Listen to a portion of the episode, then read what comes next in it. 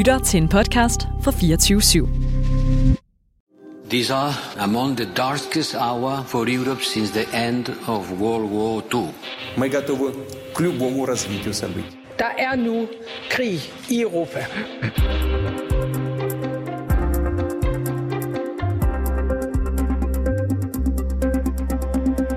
En russisk militærkonvoj nærmer sig i de her timer den ukrainske hovedstad Kiev. Amerikanske satellitbilleder viser en russisk kolonne bestående af kampvogne, selvkørende artilleri og pansrede køretøjer, som angiveligt strækker sig over ikke mindre end 64 kilometer. Det her det sker altså dagen efter, at russiske og ukrainske repræsentanter forhandlede i fem timer i et lokale i Belarus tæt ved grænsen til Ukraine. Det var også dagen, hvor den ukrainske præsident Zelensky underskrev en ansøgning om optagelse i EU. Et EU, som lige nu befinder sig i en kæmpe nybrud rent forsvarspolitisk ifølge dagens gæst. Du lytter til øh, Krig i Europa, hvor vi i dag skal se nærmere på den europæiske oprustning og på de mange brud med årtiers europæisk politik. Mit navn det er Cecilie Lange. Og jeg hedder Alexander Vils Lorentzen.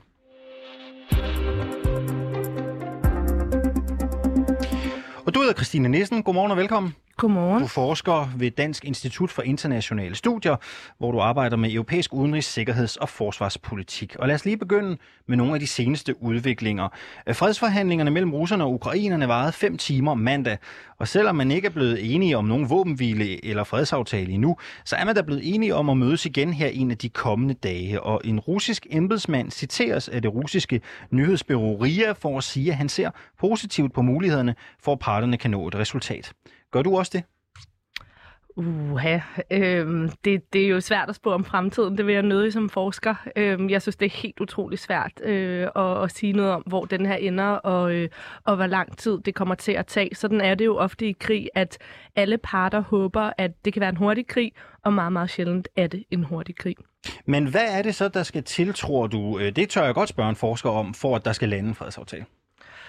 Øh, hvad der skal til, det synes jeg også er et svært spørgsmål, når jeg beskæftiger mig med øh, mm. EU og europæisk forsvarspolitik. Øh, helt at, at, at kunne sige, hvad det skal til for, at, øh, at Ukraine og, og Rusland lander en fredsaftale. Mm. Allerede før de her fredsforhandlinger skulle den ukrainske præsident Zelensky have bedt om øjeblikkeligt EU-medlemskab, og senere på dagen der underskrev han en officiel anmodning til EU. Er det realistisk, at EU vil optage Ukraine? Altså, øhm, man kan sige, i mandags for en uge siden var det det ikke, og nu er vi måske, øh, eller er vi kommet et skridt nærmere. Jeg tror, der er rigtig mange som øh, i EU, der, der er interesseret i at gøre alt, hvad de overhovedet kan for, øh, for ukrainerne og Ukraine.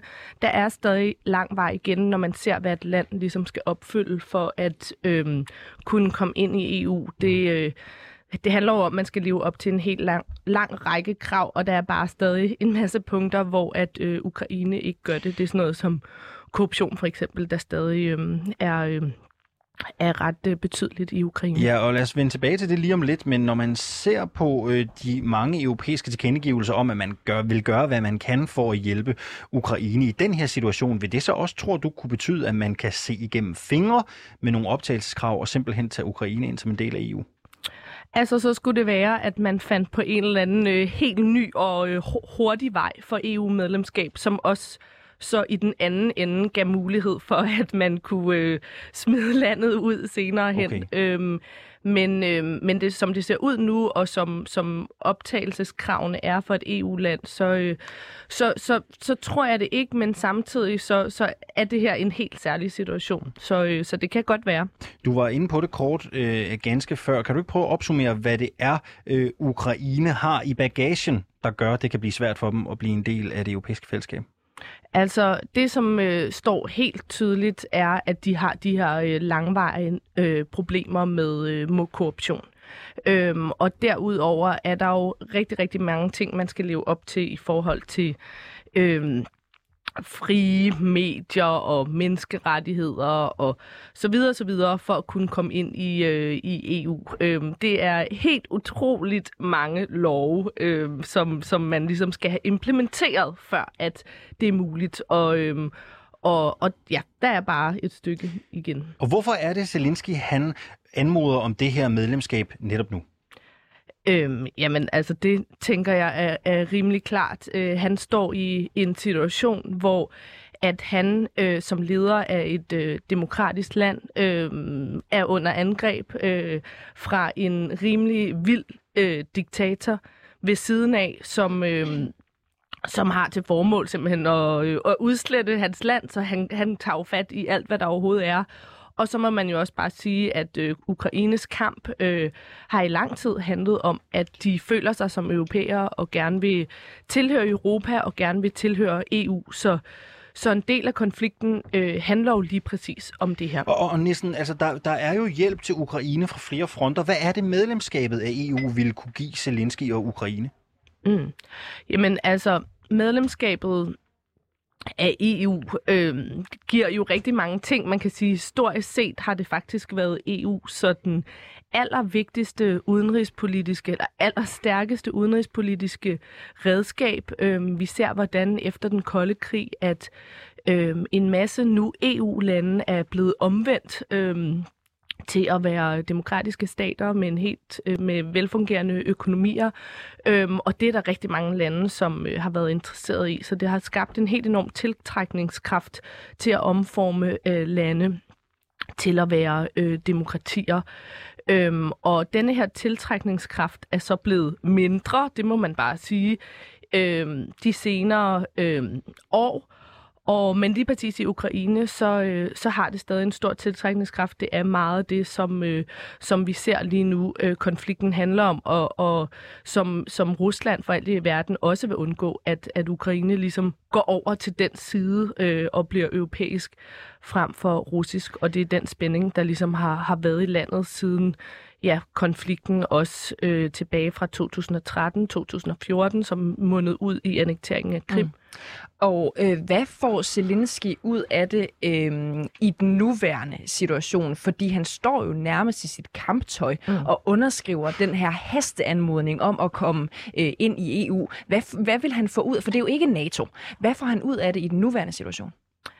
Jamen altså i den nuværende situation, udover at det sådan også på... Øh, på lang sigt er en, en meget central del af, af hans plan, men er helt ret i, at når han står i sit krigstøj, virker det måske ikke som det allermest øh, presserende. Øh, alligevel har det jo været eller er det for ham væsentligt, og det har han gjort i helt utrolig øh, succesfuld stil, kan man sige, at samle øh, de europæiske lande og samle Vesten. Og altså Europa og de europæiske lande har jo øh, øh, de senere dage altså gjort ting, som de aldrig nogensinde har gjort før. Øhm, og denne her samling kommer jo alt andet lige utrolig meget ham til gode. Cecilie Nielsen, du er med øh, hele øh, timen her i krig i Europa. Øh, noget, som Zelensky bad om før og under øh, fredsforhandlingerne med russerne mandag, det var en våbenhvile. Og inden vi taler videre om EU-sporet, øh, så øh, lad os lige tage en øh, tur til Ukraine for at få en update øh, derfra.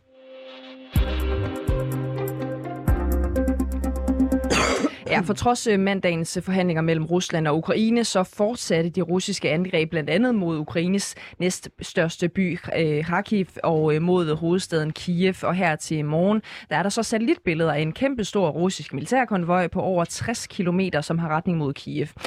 Mads Anneberg, godmorgen. Godmorgen. Du er europakorrespondent for Radio 4 og befinder dig lige nu i den øh, vestliggende by Lviv. Øhm, Mads Anneberg, hvordan reagerer folk i Lviv på den her øh, fortsatte russiske aggression?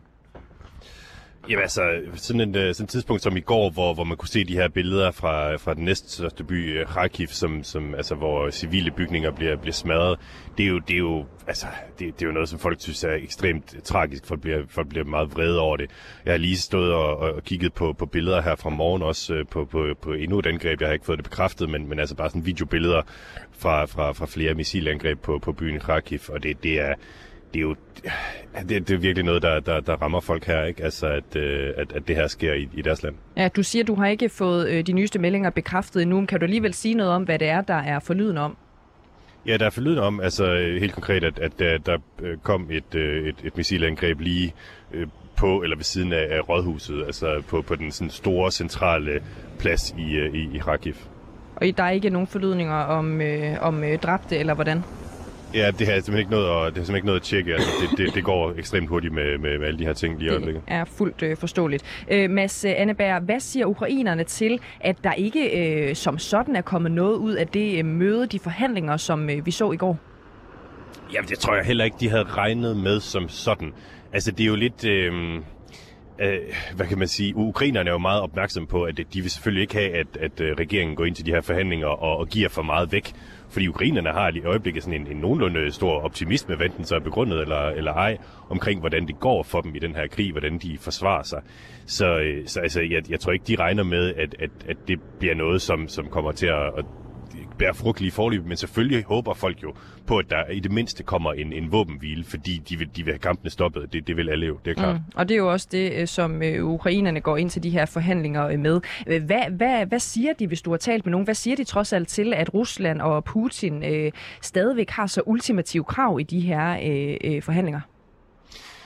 Ja, det ved jeg ikke, om de siger så meget til, altså det, det, men, men det, det er jo tydeligt for enhver, at, at der er de her to helt forskellige verdensbilleder. Altså i Ukraine, der, der går man ind til de her forhandlinger for eksempel øh, med, med en, en, en tro på, at jamen, vi, vi kan rent faktisk vinde. Øh, hvorimod russerne vil jo sige, jamen det er ikke, det er ikke der, de synes situationen står. De, de, de øh, siger, jamen altså vi, nu kan vi se den her, de her billeder af den her lange militær konvoj, øh, der, der er på vej. Øh, altså de, de, vil jo, de vil jo sige, jamen vi, vi har vi har meget mere øh, fra, fra, fra samme skuffe, så det er sådan lidt, det, det, der er ikke nogen fælles forståelse på, på, på, på hver sin side af bordet omkring, hvad det er for en, Øh, situation, og hvem der skal, hvem der skal ligge sig fladt ned i, i sådan nogle forhandlinger her. Mm. Lviv ligger jo øh, to timers kørsel cirka fra grænsen til Polen, og seks timers kørsel fra øh, til Kiev. Og øh, vi har blandt andet set videoer også fra dig, Mads Anneberg, hvor, hvor mænd skilles fra koner og børn på, på banegården, fordi de skal blive og kæmpe, konerne øh, og børnene flygter. Øh, hvordan er det at være i en by som øh, Lviv, der for mange er øh, sidste stop inden fred i øh, Polen? Det er en helt vildt underlig stemning, der hersker i Lviv, fordi på den ene side, så er det jo, det er jo den her smukke, gamle, centraleuropæiske by, øh, som, altså, hvor, hvor de lokale prøver at, at leve livet sådan nogenlunde øh, normalt, men, men samtidig så har du den her kæmpe flygtningestrøm af folk fra resten af Ukraine, som kommer hertil øh, primært for at komme, komme ud af landet igen, og, og, og du kan jo mærke over det hele selvfølgelig, at, at tingene er ikke, som, som de bør være. Jeg står faktisk tilfældigvis lige uden for øh, et af de kontorer, hvor folk kan gå ned og melde sig til at, at forsvare øh, byen. Altså du ved, hvor civile kan gå ned og sige, her er jeg, jeg, jeg vil gerne have et våben, hvis, øh, hvis, hvis det kommer dertil, at, at russerne kommer her til byen. Og, og der, der er lang kø her til morgen for at komme ind. Altså det, det ligner nærmest sådan en, en populær øh, bagerbutik eller, eller sådan et eller andet. Så det er sådan, det, selvfølgelig er, at folk, øh, folk er meget på stikkerne. Folk er, er hele tiden bevidste om det her. Der kommer også de luftalarmer sådan et par gange om dagen, som, så, hvor, hvor folk så søger ned i, i kældre. Så altså, det er ikke til at det er ikke til at undgå at, at mærke, at, at der er krig her. Mm. Hvem er det, der står i, i køen, Mads Anneberg? Jamen det er alle. Jeg, jeg havde lige en, øh, en, en god snak med en, øh, med en fyr, der hedder Mikhailo, som, øh, som er, altså i, i fredstid er turguide her i Lviv. Og øh, nu er han så, hvad skal man sige, øh, bare øh, sådan skiftet spor, og så siger han, jamen nu vil han ned og nu vil han forsvare øh, landet og forsvare byen. Men man kan sige, der er jo ikke som sådan noget at forsvare byen fra endnu. Altså, der, er ikke, der har ikke været angreb på Lviv. Det er et forholdsvis sikkert sted, hvis vi sådan kigger på, på det generelle billede i Ukraine. Øhm, men det betyder så også, at nogle af dem, der har meldt sig til at forsvare Lviv, jamen, de går nu i gang med at, at, at træne til simpelthen at blive sendt til Kiev og andre steder, hvor, hvor, hvor kampene foregår lige nu. Øhm, her til sidst, øh, Mads øh, Anneberg, i går der underskrev øh, Zelensky jo et øh, papir, der indikerer, at Ukraine meget gerne vil optages øh, i EU, og helst så hurtigt som, øh, som muligt. Hvordan blev det taget imod der, hvor du er? Ja, det var nogle helt fantastiske billeder, der kom ud i går af, af de her tre øh, buff-fyre, øh, som, som står og skriver under og kigger ind i kameraet og siger sådan, vi er med i EU. Øh, folk, folk vil selvfølgelig, altså folk bakker da op om den, øh, øh, om det han, han skrev under på i går. Altså det var den her øh, sådan lidt underlige, øh, han vil gerne have sådan en hastebehandling af EU-medlemskab, og det, det er der jo ikke rigtig noget, der hedder. Hvis, hvis der var det, så, så var der nok også andre, der var interesseret i det. Men, men det er jo, altså det, det har stor symbolsk værdi her. Altså det er jo det, som de, de, de kæmper for på en eller anden måde at få lov til at bestemme, at de gerne vil orientere sig mod Vesten. Det var det, som revolutionen i 2014 handlede om. De vil gerne have en tættere tilknytning til EU.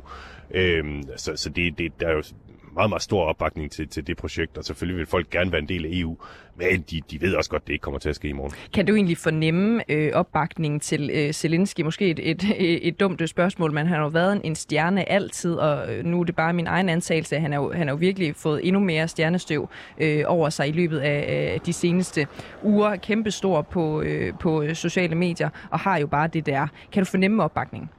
Jamen, der er faktisk, altså jeg, jeg har kunnet mærke et skifte, simpelthen bare fra, fra jeg kom for, for godt to uger siden, hvor, hvor folk var sådan, altså før krigen brød ud, øh, der, der, der var folk sådan, jamen altså, han, han er lidt en klovn, han er jo den her tidligere sådan, øh, skuespiller, øh, som spillede præsident i en tv-serie, mm. altså det var til, at vi, øh, at vi havde valgt Sisse Babette Knudsen til statsminister i Danmark. Øh, og, og så, så, så folk er sådan, har været lidt skeptiske over for ham, men, men der er virkelig sket et, et, et, et skifte. Der er kæmpe stor opbakning til ham lige nu, og han har været ude og holde de her øh, meget sådan kraftfulde taler og, og, og står i inde i Kiev og, og sender live på, på sociale medier og sådan noget. Altså det, det, han, han, har, han har virkelig fået en, øh, et, et, et stort boost i, i meningsmålingerne lige nu, og, og folk står sammen om ham øh, på, på alle sider af det politiske spektrum. Mm. Øh, Mads øh, Anneberg, tak fordi du var med her til morgen. Selv tak. Altså Europakorrespondent for øh, Radio 4 med fra den vestliggende ukrainske by øh, Lviv, som altså øh, jo peger på Sisse Babette Knudsen som ny dansk statsminister. Jeg må bare sige enig.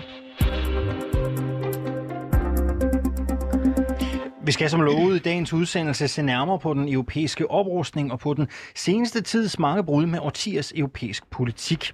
EU har mandag officielt godkendt at frigive 500 millioner euro til at finansiere udstyr og forsyninger til den ukrainske hær, inklusiv for første gang i EU's historie dødelige våben. Christine Nissen, du er stadigvæk med her til morgen. Du er forsker ved Dansk Institut for Internationale Studier, hvor du blandt andet for tiden har et særligt fokus på EU som en såkaldt sikkerhedsaktør.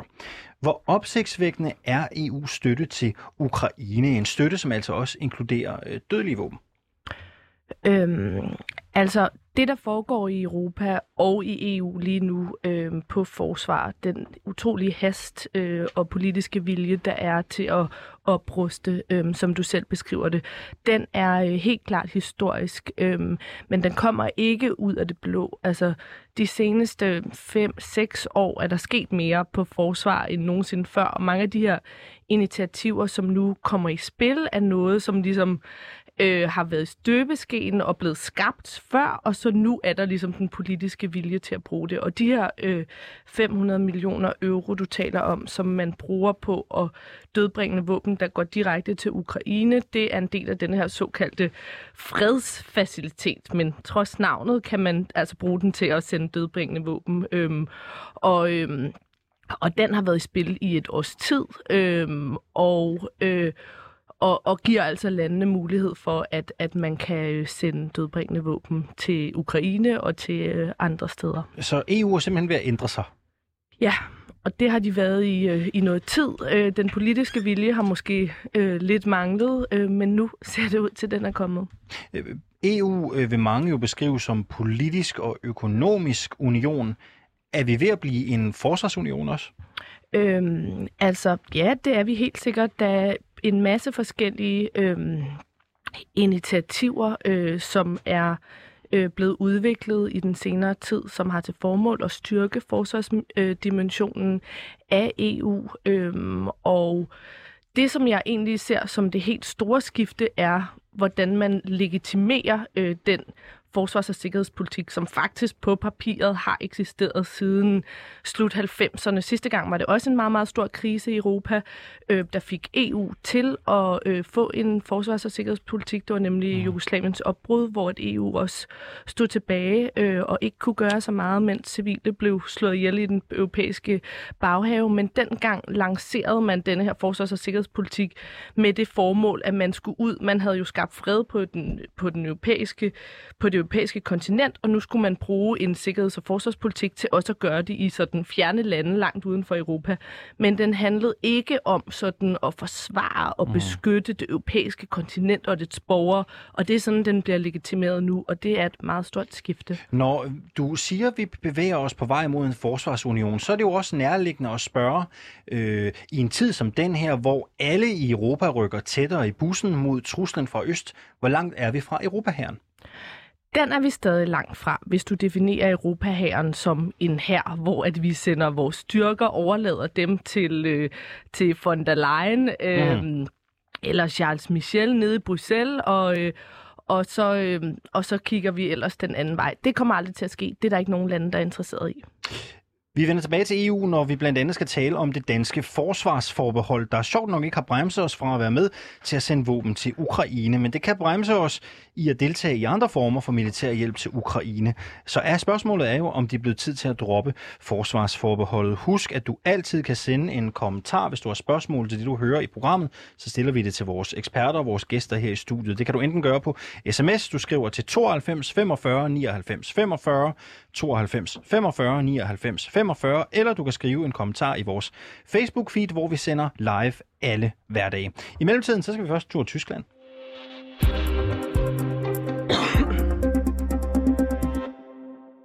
Wir erleben eine Zeitenwende. Und das bedeutet, die Welt danach ist nicht mehr dieselbe wie die Welt davor.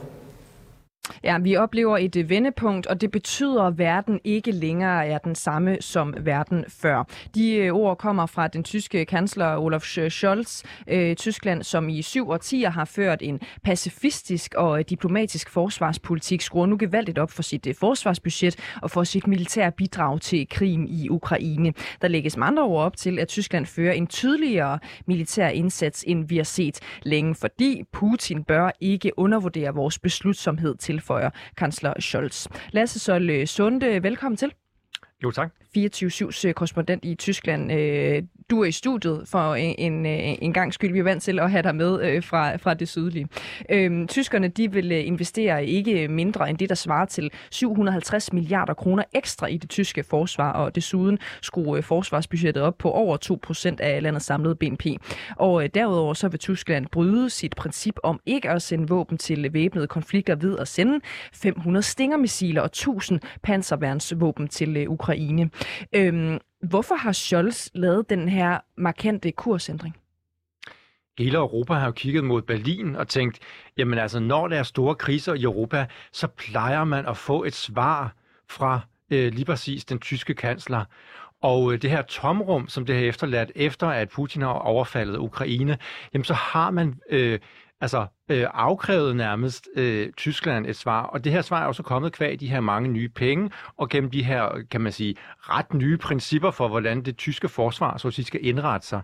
Man skal huske på, at det tyske forsvar koster tyskerne omkring 50 milliarder euro årligt. Nu skal der komme sådan et indgangsbeløb på 100 milliarder, øh, og øh, Altså, og så skal der ligesom komme en kraftig forhøjelse af forsvarsbidraget. Det her det kommer til at betyde ret store ting for det tyske forsvar. Og hvad kommer det til at betyde? Altså kommer tyskerne til at være bannerfører i øh, europæisk øh, sikkerhedspolitik? Man kan sige i hvert fald på forsvarssiden, der har man været bekymret for, skulle Tyskland nogensinde blive overfaldet, som Ukraine er blevet det, vil man så kunne forsvare sig selv. Det har der været ret stor tvivl om med et, et forsvar, som har været skåret ned stort set kontinuerligt siden afslutningen af den kolde krig. Nu ser man så, at, at øh, ja, altså ønskelisten er utrolig lang. Altså de 100 milliarder går, hvad kan man sige, i hvert fald for halvdelens vedkommende, til projekter, man allerede så at sige havde i pipeline. Altså, Tyskland har seks ubåde. For nylig kunne ingen af dem sejle. Man har øh, altså, man har transporthelikopter, som er over 50 år gamle. Altså alle værn i Tyskland har sendt ønskelister ind med øh, ret store milliardbeløb. Så det kan man sige, så umiddelbart vil man så at sige stoppe det hul, der har ligget kvæg i mange års nedskæring. Mm. Spørgsmålet er så, kommer de til at være øh, så at sige, blandt de bedste i Europa? Det tænker jeg, at de nok ikke vil være umiddelbart, men måske om en, en 5-7 års tid, at opbygge et, et, et stort og solidt forsvar, det kræver altså ret store øh, altså det kræver også ret, øh, ret øh, godt mandskab, mm. og det skal man altså først have uddannet. Godt. Øh, Christine Nielsen, forsker ved øh, DIS. Vi bringer også lige dig i øh, spil her, fordi jeg kunne også godt tænke mig at få dit bud på, hvilken rolle øh, du tror, at tyskerne kommer til at indtage i Europa og EU øh, med den her øh, kursændring, kan man jo godt kalde det. Ja, altså det er klart, at øh, når det kommer til at, at udvikle EU's øh, politik, så har man jo typisk kigget på, på de store lande og, og hvad de ligesom har villet. Øh, og der er ikke nogen tvivl om, at, at Tyskland har jo et kæmpe, kæmpe aftryk øh, på, på sikkerheds- og forsvarspolitikken. Og jeg talte om før, at den havde udviklet sig rigtig meget de sidste fem år. Det har været på en måde, som har været langsom og diplomatisk. Øh, og der, der er jeg slet ikke i tvivl om, at, at Tysklands øh, kovending, eller hvad man nu skal sige, på, øh, på deres egen nationale øh, forsvarspolitik kommer, kommer til at betyde rigtig, rigtig meget i en EU-sammenhæng øh, i forhold til at styrke også EU's øh, forsvarspolitik. Og så historisk set, så øh, har Tyskland altid synes, det var en god idé med deres sådan historiske byrde at føre øh, hvis det var, at de skulle føre en udenrigs- og sikkerhedspolitik, jamen, så skulle det være inden for sådan en institutionel ramme. Øhm, så der kommer til at være rigtig meget øhm, af de her sådan den nye tyske styrke, som bliver kanaliseret ind igennem øh, EU øh, mere, end det bliver sådan en gang. Mm. Æh, undskyld, er vi klar til det et eller andet sted? Jeg ved godt, det er lidt uden for manus nu, men jeg kan da mærke, og det er garanteret over, og det er overhovedet ikke fair, men jeg kan da mærke, lige så snart, at tyskerne de opruster, så tænker jeg, at det er lige uha.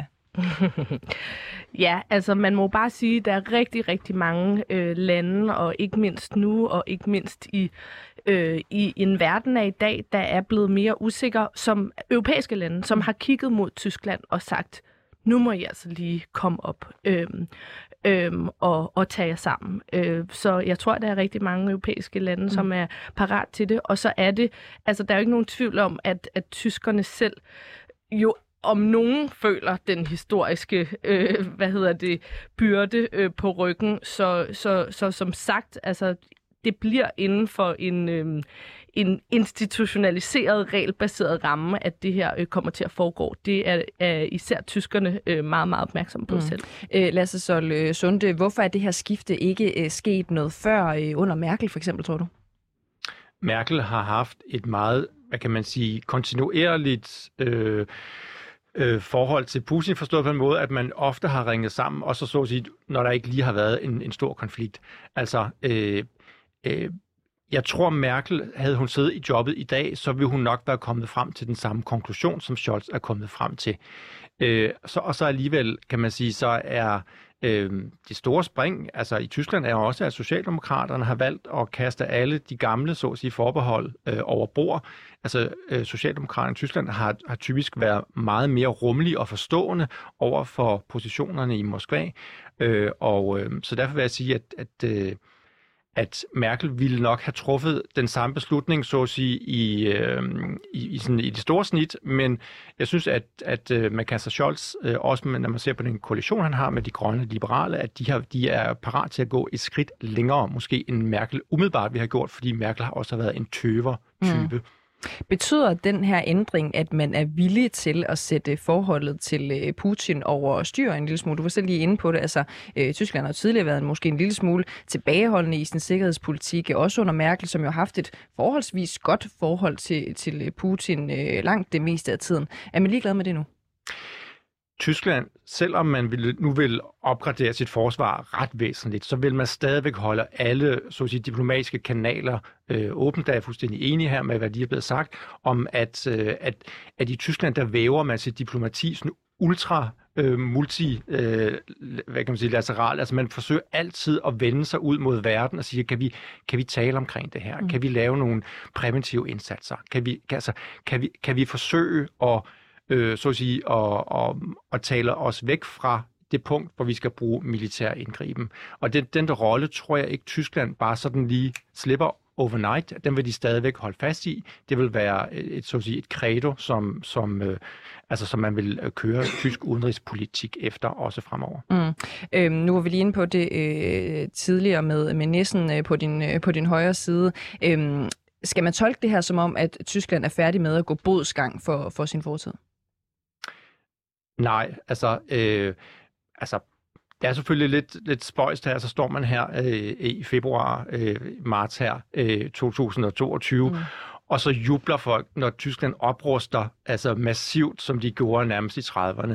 Altså, øh, Tyskland er ekstremt klar over deres historiske forpligtelser, og det gør også netop, at, at den her... Øh, altså ekspansion af, kan man sige, af, af herren, som, som er forestående, altså den vil så at sige blive lagt ind i en større europæisk ramme. Altså man kan ikke forestille sig, at Tyskland, altså kan man sige, det er jo ikke en her, som skal til at gå ene gang. Det er en her, som skal være, så at sige, øh, spille i en koncert med, med andre herrer rundt omkring i Europa, øh, for netop at fokusere på en ydre trussel. Mm. Øh, og hvad kommer, altså Tyskland, øh, nu er de øh, virkelig, må man sige, trådt ind på den her sikkerhedspolitiske øh, scene. Er der nogen forventninger om fra tysk øh, side, at andre europæiske lande øh, følger trop på samme niveau, eller hvordan?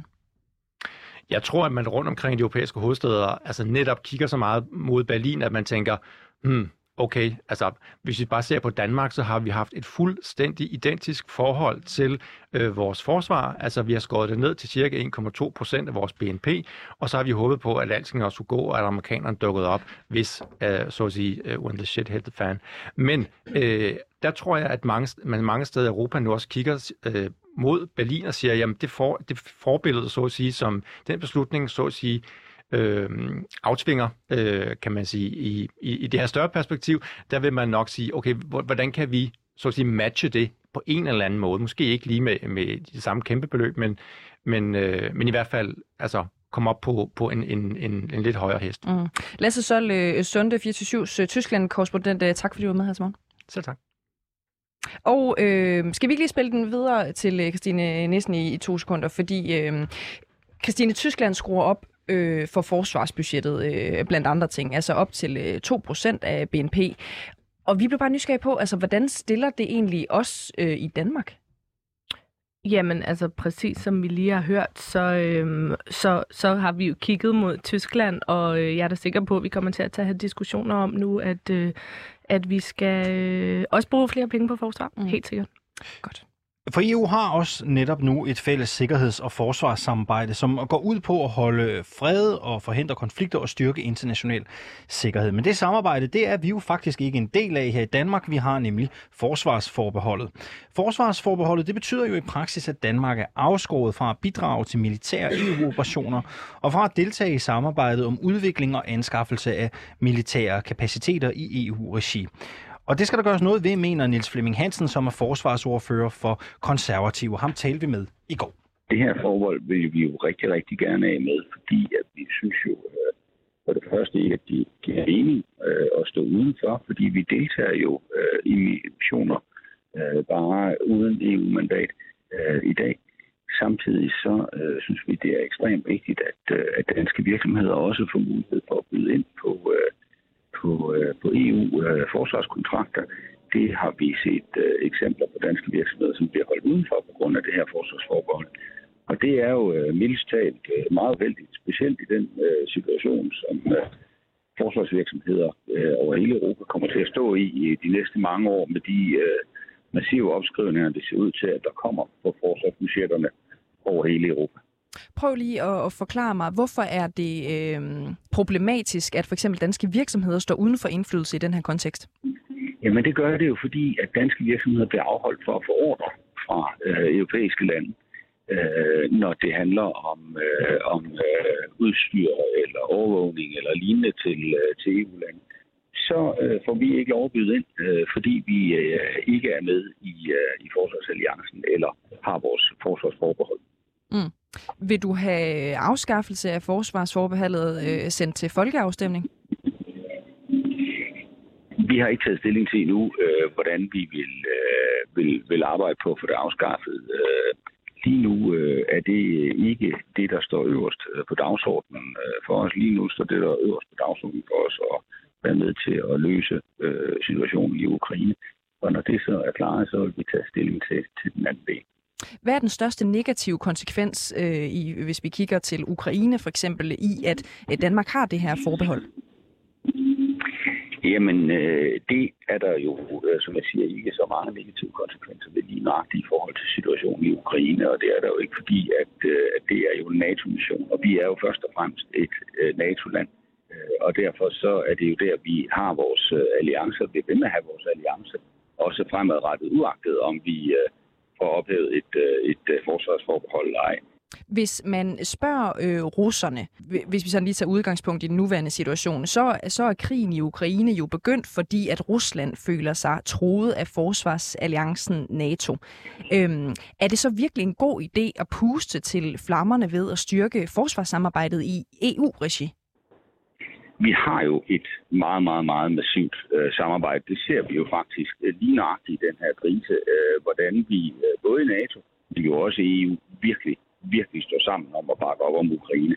Så, så, så med den øh, vinkel, så tror jeg sådan set ikke, at, øh, at, han, øh, at han kan få det værre, end han har det lige nu. Og så er der selvfølgelig øh, i forhold til NATO, øh, og der skal man jo bare huske, at, øh, at øh, NATO er jo en fredsbevarende alliance, så han føler sig truet af NATO. Øh, taler mildest talt meget mere om, at han selv øh, er, er, en, øh, er en situation, hvor han har nogle vrangforestillinger om, hvad NATO er. Men når vi nu har NATO, hvorfor skal vi så styrke øh, EU's militære samarbejde yderligere? Det er fordi, at, at skulle man nå en situation på et andet eller et senere tidspunkt, hvor øh, man kunne have behov for at gå ind fælles som EU-lande, så øh, kan det være en god idé. Og så igen, det handler rigtig, rigtig meget om danske virksomheders muligheder for at borde, og dermed arbejdspladser og dermed indtægter til landet. Har du øh, gjort dig nogen, øh, jeg det ved ikke, om I ligger inde med beregninger eller øh, andet, som øh, fortæller dig, at vi går glip af voldsomt mange penge ved øh, for eksempel, at øh, danske virksomheder ikke får en del af kagen i, i de her øh, tilfælde? Ved du hvad, vi har faktisk øh, lige spurgt øh, ud i øh, for eksempel Danske Maritime omkring det her til formiddag, Øh, vi har selvfølgelig ikke øh, fået svar endnu, men øh, det forventer vi, der kommer. Ja, Christine Nissen, du forsker ved Dansk Institut for Internationale Studier. Du ved en masse om europæisk forsvarspolitik. Du er stadig med her i studiet. Niels Flemming Hansen fra det konservative Folkeparti, han siger, at han gerne vil af med forsvarsforbeholdet, men at det, der er størst fokus lige nu, er at løse situationen i Ukraine. Men kan Danmark blive bremset i det EU-regi på grund af vores forsvarsforbehold? Mm, altså vi så nu her øh, da det blev besluttet for et par dage siden, at der skulle sendes de her 500 millioner euro, bruges de her penge på dødbringende våben og sendes afsted til Ukraine, der var der nogle forskellige sådan, muligheder op at vinde øhm, blandt EU's ledere i forhold til, hvad EU kunne gøre på det militære. Og en af de muligheder var en militær øhm, operation til Ukraine, som skulle gå ind og øh, træne den ukrainske hær. Og det stod lidt øh, på valget mellem de to ting. Skulle man sende de her dødbringende våben, eller skulle man øh, lave denne her øh, mission og sende den afsted og hjælpe den ukrainske her? Og det landte jo så øh, på de 500 millioner euro til dødbringende våben, men var det land på den anden option, så havde Danmark ikke kunne være med. Det kan være, at den anden option kommer senere, og så kan man sige, så står Danmark jo så uden for det. Øh, Niels Flemming Hansen han siger jo, at Danmark først og fremmest er et NATO-land, og det er der, vi har vores forsvarsalliancer. Er det farligt for Danmark forsvarsmæssigt primært at spille på NATO? Jamen, altså, jeg synes egentlig, det er ret sjovt, det der med, at Danmark som det eneste land efterhånden, bliver ved med at insistere på, at der er et modsætningsforhold mellem at styrke europæisk forsvar, og så det at være en god NATO-allieret. Det er et falsk modsætningsforhold, hvis du spørger amerikanerne selv. Det gjorde jeg i december, øhm, om øh, de synes, det var en god idé, at, at man styrkede EU's øh, forsvarssamarbejde, og om det eventuelt var på bekostning af NATO. Jamen, så siger alle nej. Man vil rigtig gerne have mere øhm, europæisk øh, forsvar og sikkerhedspolitik, og om det er en EU-ramme eller en NATO-ramme, det betyder faktisk ikke så meget, fordi samlet set handler det om, at Europa skal have selvstændigheden og kapaciteten øhm, og kapabiliteterne til at kunne gøre mere selv. Hvorfor tror du, at nogle politikere stiller det så kategorisk op over for hinanden så? Jamen altså, det, vi har haft et forbehold siden øh, 72, siden EU overhovedet havde en øh, forsvars- og sikkerhedspolitik, og grunden dengang til, at man fik det, var den her idé om den her mytiske EU her, vi jo også har talt om i dag. Og den har ikke, det kan godt være, at den sådan kommer op i ny og næ, men den er ikke blevet en realitet. Øh, så det er som om, vi sådan lidt er stok i de der gamle idéer om, hvad det er, øh, EU er, og så er der den mindset i Danmark, fordi vi har haft det her forbehold i så utrolig lang tid, siden 92, øhm, hvor, eller 93, hvor at vi ikke er vant til at tænke på EU i denne her sammenhæng, øh, og det betyder, at vi måske havner i øh, sådan nogle lidt gamle forestillinger om, hvad der, hvordan tingene hænger sammen. Vi har fået et øh, spørgsmål på øh, sms fra en af vores øh, lyttere, som vi egentlig godt kunne tænke os at høre, om du ville give dit besøg med på. Uh, det handler om Ukraines muligheder for at blive optaget i EU. Vi springer lidt til noget andet, men nu har vi jo lovet, at man kan stille spørgsmål. Uh, spørgsmålet lyder, kan Ukraine komme med i EU med deres historik i forhold til uh, menneskerettigheder, her blandt andet særligt rettigheder for seksuelle minoriteter? Øhm, jamen altså, det er jo endnu et af de her punkter, hvor at øh, man, hvis man gerne vil optages i EU, jamen så er der en hel masse ting, man skal leve op til øh, og bevise, at man gør eller ikke gør. Øh, og det her er jo så endnu et eksempel på, på et punkt, hvor at det måske, jeg er ikke sådan helt inde i... Øh, Nej, nej. I lige præcis den del af Ukraines øh, nej, nej. Øh, interne øh, arrangement, men, øh, men det er klart, at der er en række punkter, øh, hvor at Ukraine lige på nuværende tidspunkt vil have svært ved at leve op til EU's øh, regler om, hvad der skal til for at blive EU-medlem. Husk, at du kan sende kommentarer og spørgsmål til vores gæster her i studiet, hvis du lytter med. Det kan du gøre på sms 92 45 99 45, eller du kan skrive som en kommentar under det Facebook live feed, der kører, mens vi sender Krig i Europa her hver morgen mellem 8 og 9.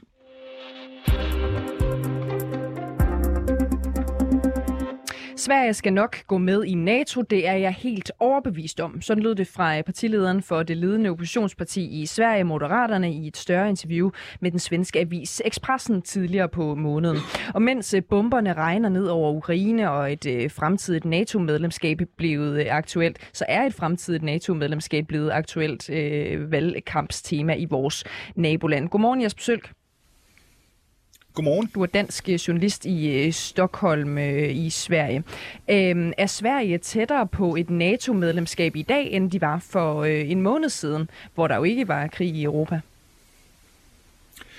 Det tror jeg godt, man kan sige, at de er sådan set politisk står diskussionen nogenlunde samme sted. Du har en række af de øh, konservative oppositionspartier, som meget åbent siger, at man skal nærme sig NATO i første omgang, det man kalder en NATO-option, hvor du simpelthen gør klar til at indsende ansøgningsblanketten. Og så på den anden side har du en række af venstrefløjspartierne, så i midten af det har du regeringspartiet Socialdemokraterne, som indtil videre i hvert fald stadig siger klart nej til øh, NATO. De vil gerne holde fast i deres alliancefrihed. Der er sådan en masse historik og tyngde bag det. Men når du så kigger på borgerne her i Sverige, så går det altså rigtig stærkt i øjeblikket. Der kommer faktisk, eller der kom en, øh, en måling i det, der hedder Svenske Dagbladet, som en af formiddagsaviserne, eller morgenaviserne øh, her i, øh, i dag, som viser, at antallet af svenskere, som klart siger nej til NATO-medlemskab, er styrt dykket øh, over de seneste ja, både år, men også øh, uger her. Det vil sige, at tiltrækningen af NATO blandt svenskerne, den er altså meget større, end vi har set tidligere. Mm. Øhm, Putin har været ude og øh, true Sverige med øh, det, han kalder alvorlige militære og politiske konsekvenser, hvis svenskerne melder sig ind i NATO. Øhm, hvad siger statsminister Magdalena Andersson øh, til det? Hun siger, at det ikke er op til nogen som helst andre, heller ikke Rusland, at bestemme svensk sikkerheds- eller forsvarspolitik herunder, hvem man må indgå i alliancer eller ikke indgå i alliancer med. Det er sådan set det korte svar. Og øh, det forstår man jo sådan set godt, at landets statsminister øh, siger trods alt, men er det alligevel noget, du kan fornemme blandt øh, svenskerne? Altså er det noget, som øh, sætter sig i dem? Er det noget, som der skaber utryghed? Jeg vil ikke sige, at der er en generel frygt overhovedet i Sverige for, at øh, Putin lige pludselig sender raketter mod øh, Stockholm eller øh, laver en landinvasion af, af Gotland, den her ø, man har ude i, i Østersøen. Men det er klart, der er en, en sådan snigende usikkerhed. Hvad sker der i øjeblikket? Og her skal man jo så tilbage øh, til øh, historikken. Altså Sverige ikke et NATO-land. Det vil sige, på mange måder, på mange måder ligner man lidt sådan i, i opbygningen, det som Ukraine er, et, et partnerland til NATO. Det vil sige, man har ikke den her automatiske beskyttelse af resten af, af NATO-landene. Og det vil sige, der er en, en lille usikkerhed blandt mange svenskere. Hvad nu hvis? Hvis han er gal nok, siger de herover til at gå ind i Ukraine, kunne han så finde på at lige udfordre lidt mere ved at, ved at forsøge at ramme øh, Sverige eventuelt med militære midler, eventuelt på andre måder. Og det er klart, at der er en diskussion i øjeblikket om, hvordan forbereder man sig på en konfliktsituation i Sverige? Kan man selv gøre noget? Skal man til at købe øh, dåsemad eller, eller købe vand ind på forhånd, og der har man set det, der svarer til den øh, beredskabsstyrelsen her i Sverige, være ude at sige, at, at de forstår godt øh, usikkerheden, der er en række ting, man kan gøre, men igen, udgangspunktet er, at der ikke er en militær trussel mod Sverige lige nu. Mm. Det siger myndighederne i hvert fald. Og som jeg forstår øh, dig og medierne generelt, så øh, de svenske socialdemokrater, altså regeringspartiet, øh, de er jo ikke sådan fuldstændig overbevist om, at Sverige skal, skal gå med i NATO langt fra. Øh, men kan den politik øh, ændre sig, tror du, øh, nu hvor Rusland er gået ind i Ukraine og rasler med sablen over for de nordeuropæiske lande også?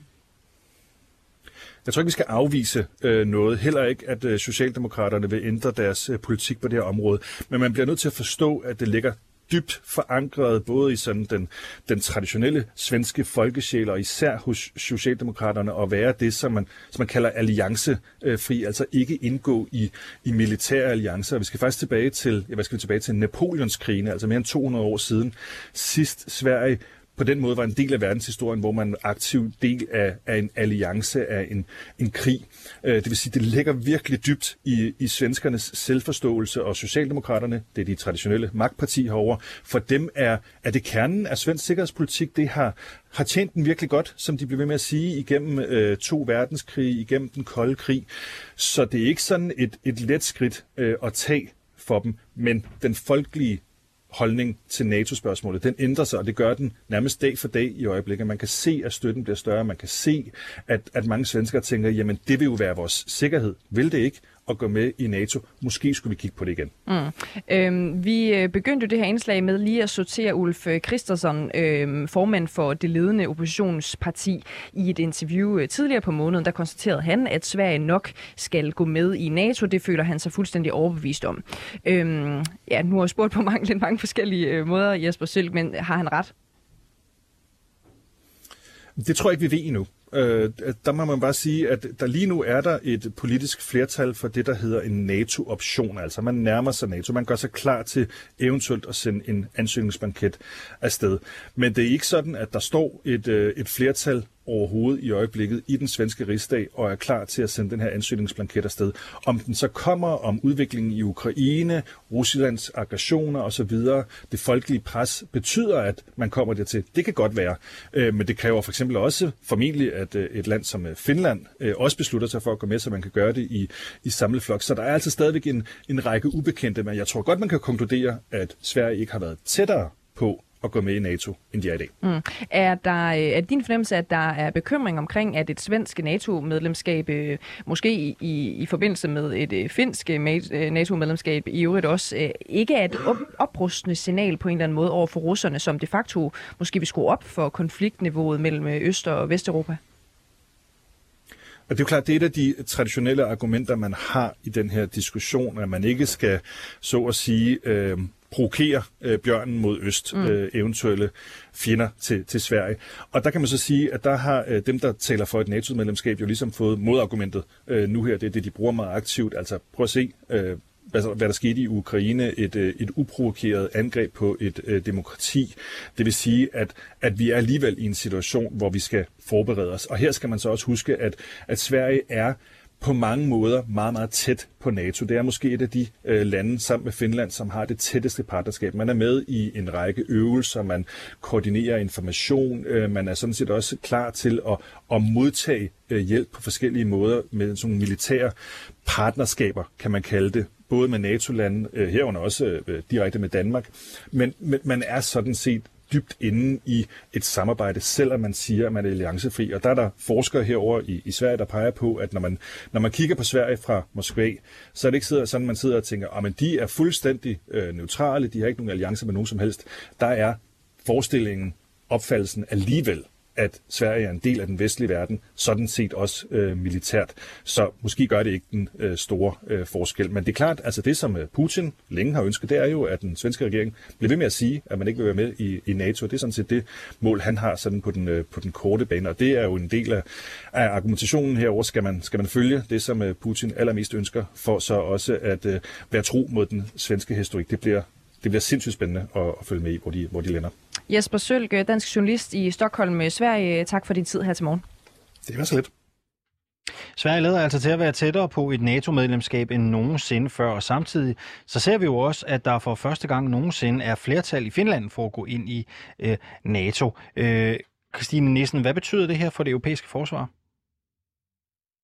Jamen, altså, det betyder jo overordnet set, at vi ser en, og det jeg talte om før, med måske ikke så fokusere så meget på, om det er NATO eller EU, det, det, øh, det viser, at europæisk forsvar som, som samlet enhed bliver styrket helt enormt meget i de her dage, er det jo faktisk.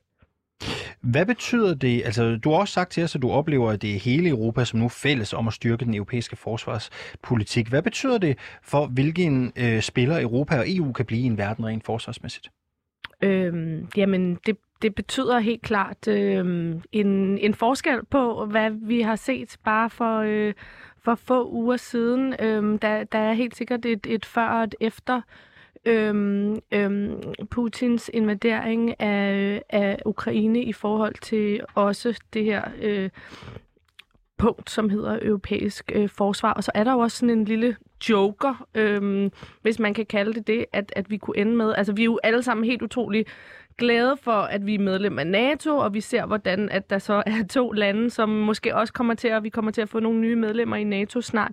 Men der er den joker, der hedder, at en præsidentkandidat øh, på den anden side af Atlanten sidder og roser Putin i de her dage, og vi kunne have en præsident, der hed Trump øh, igen om to år. Og så er NATO-medlemskabet lige lidt mere usikkert. Hvordan ser verden ud, hvis vi har en præsident, der hedder Trump om to år?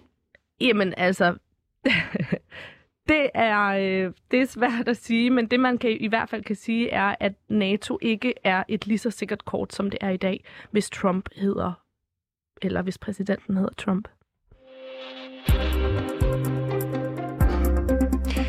Christine Nissen, du har været med os hele timen. Det er blevet tid til at se lidt frem. Vi har 3,5 minut tilbage. Hvad skal vi holde ekstra øje med de næste 24 timer? Uh, de næste 24 timer, altså, øhm, jeg tror sammenlignet med det, vi har set, nu har jeg jo, altså, ja, man kan jo ikke lade være med at følge med i, hvad der sker i, øh, i Ukraine øh, og i Rusland øh, på en meget sådan bevægende vis, øh, men fra et mere sådan, med mine ekspertbriller har jeg kigget mere mod øh, Europa, som sagt, og EU, Øhm, og på begge øh, fronter tror jeg, der kommer lidt mere ro på øh, de næste 24 timer, end, øh, end hvad vi hidtil har set den seneste uges tid. Ja, og jeg nævner bare lige øh, i, i forbindelse med, at du siger det, øh, Christine Næsten. Vi har faktisk lige fået en, en video ind øh, til os her i, øh, i studiet, og jeg kan se, at øh, det er engelske The Guardian, som beskriver den her video, en bombe eller et missil har ramt øh, regionsadministrationens øh, bygning i øh, Kharkiv og skulle være et forsøg på at ramme Kharkivs øh, guvernør. Så altså helt øh, fredeligt er det i hvert fald ikke i, øh, i Ukraine øh, PT, og derfor så øh, holder vi selvfølgelig også øh, fokus på situationen øh, her på programmet. Det gør vi, øh, Christine Nissen. EU, de kommende ja, 24 timer, det er jo ikke meget i EU-regi. Det er jo et maskineri, der arbejder lidt tungere, det og det tager sige. lidt længere tid. Ja. Men i forbindelse med den her konflikt, vi ser udfolde sig, eskalere, hvad bliver med europæiske briller interessant at holde øje med, også måske på lidt længere sigt? På lidt længere sigt, og nu hvor vi taler om, øh, om tid, øh, så synes jeg, at der er noget interessant i, at det lige præcis EU er kendt for at være den her helt utrolig langsomme diplomatiske maskine. Men nu har vi altså lige haft en weekend, hvor tingene er gået rigtig, rigtig hurtigt, så kunne vi forestille os øh, et nyt sådan modus operandi i EU, hvor tingene faktisk går hurtigere, og hvor man agerer mere idealistisk og mindre byråkratisk og rykker på nogle ting. Altså simpelthen et modus operandi, som ikke bare ændrer samarbejdet forsvarsmæssigt, men i hele EU? Helt klart. Altså, vi skal jo også kigge mod... Øhm, jeg tror også, der kommer på, på andre politikspørgsmål, øh, energi, øh, flygtning og asyl, rigtig mange andre politikområder, som jo er tæt forbundet med sikkerhedssporet, kommer også til at undergå en stor udvikling i de, mm. den næste rumtid. Mm. Christine øh, Nissen, forsker ved Dansk Institut for Internationale Studier, DIS, hvor du altså blandt andet forsker i europæisk udenrigs-, sikkerheds- og forsvarspolitik. Tusind tak, fordi du var med her til morgen. Det var så lidt.